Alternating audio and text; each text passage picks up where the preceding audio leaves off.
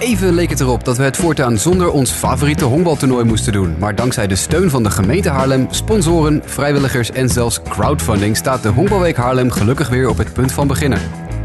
Omdat ook de Honkbalweek met zijn tijd meegaat, vind je voortaan je vertrouwde Honkbalweek magazine leesvoer alleen nog online. Zit het toernooi naast op Twitter, Facebook en YouTube tegenwoordig ook op Snapchat? Wordt er gevlogd en is er een Honkbalweek podcast in samenwerking met Sport Amerika, de plek voor je dagelijkse dosis Amerikaans sportnieuws. Mijn naam is Jasper Roos en ik neem alle Honkbalweek-fans elke ochtend tijdens het toernooi mee op een klein reisje door het Pimelier-stadion. Met een wisselende samenstelling aan tafelgasten neem ik elke aflevering de wedstrijden door van de dag die was en kijk ik vooruit op de dag die komt. Daarnaast loop ik overdag met mijn microfoon door het stadion op zoek naar leuke interviews. Duiken we dagelijks de geschiedenis van de week in met wandelende honkbal-encyclopedie Marco Stovelaar en nog veel, veel meer. Vind je het dus leuk om elke dag te beginnen met al het nieuws uit het honkbalstadion in Haarlem?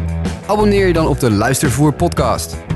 De show is te vinden op iTunes, Google Play Music, Stitcher, Pocket Casts, Overcast of via de podcast-app van jouw keuze.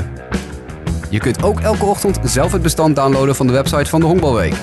Kortom, kon je een dag niet in het stadion zijn of vind je het gewoon leuk om wat meer te weten te komen over je favoriete honkbaltoernooi?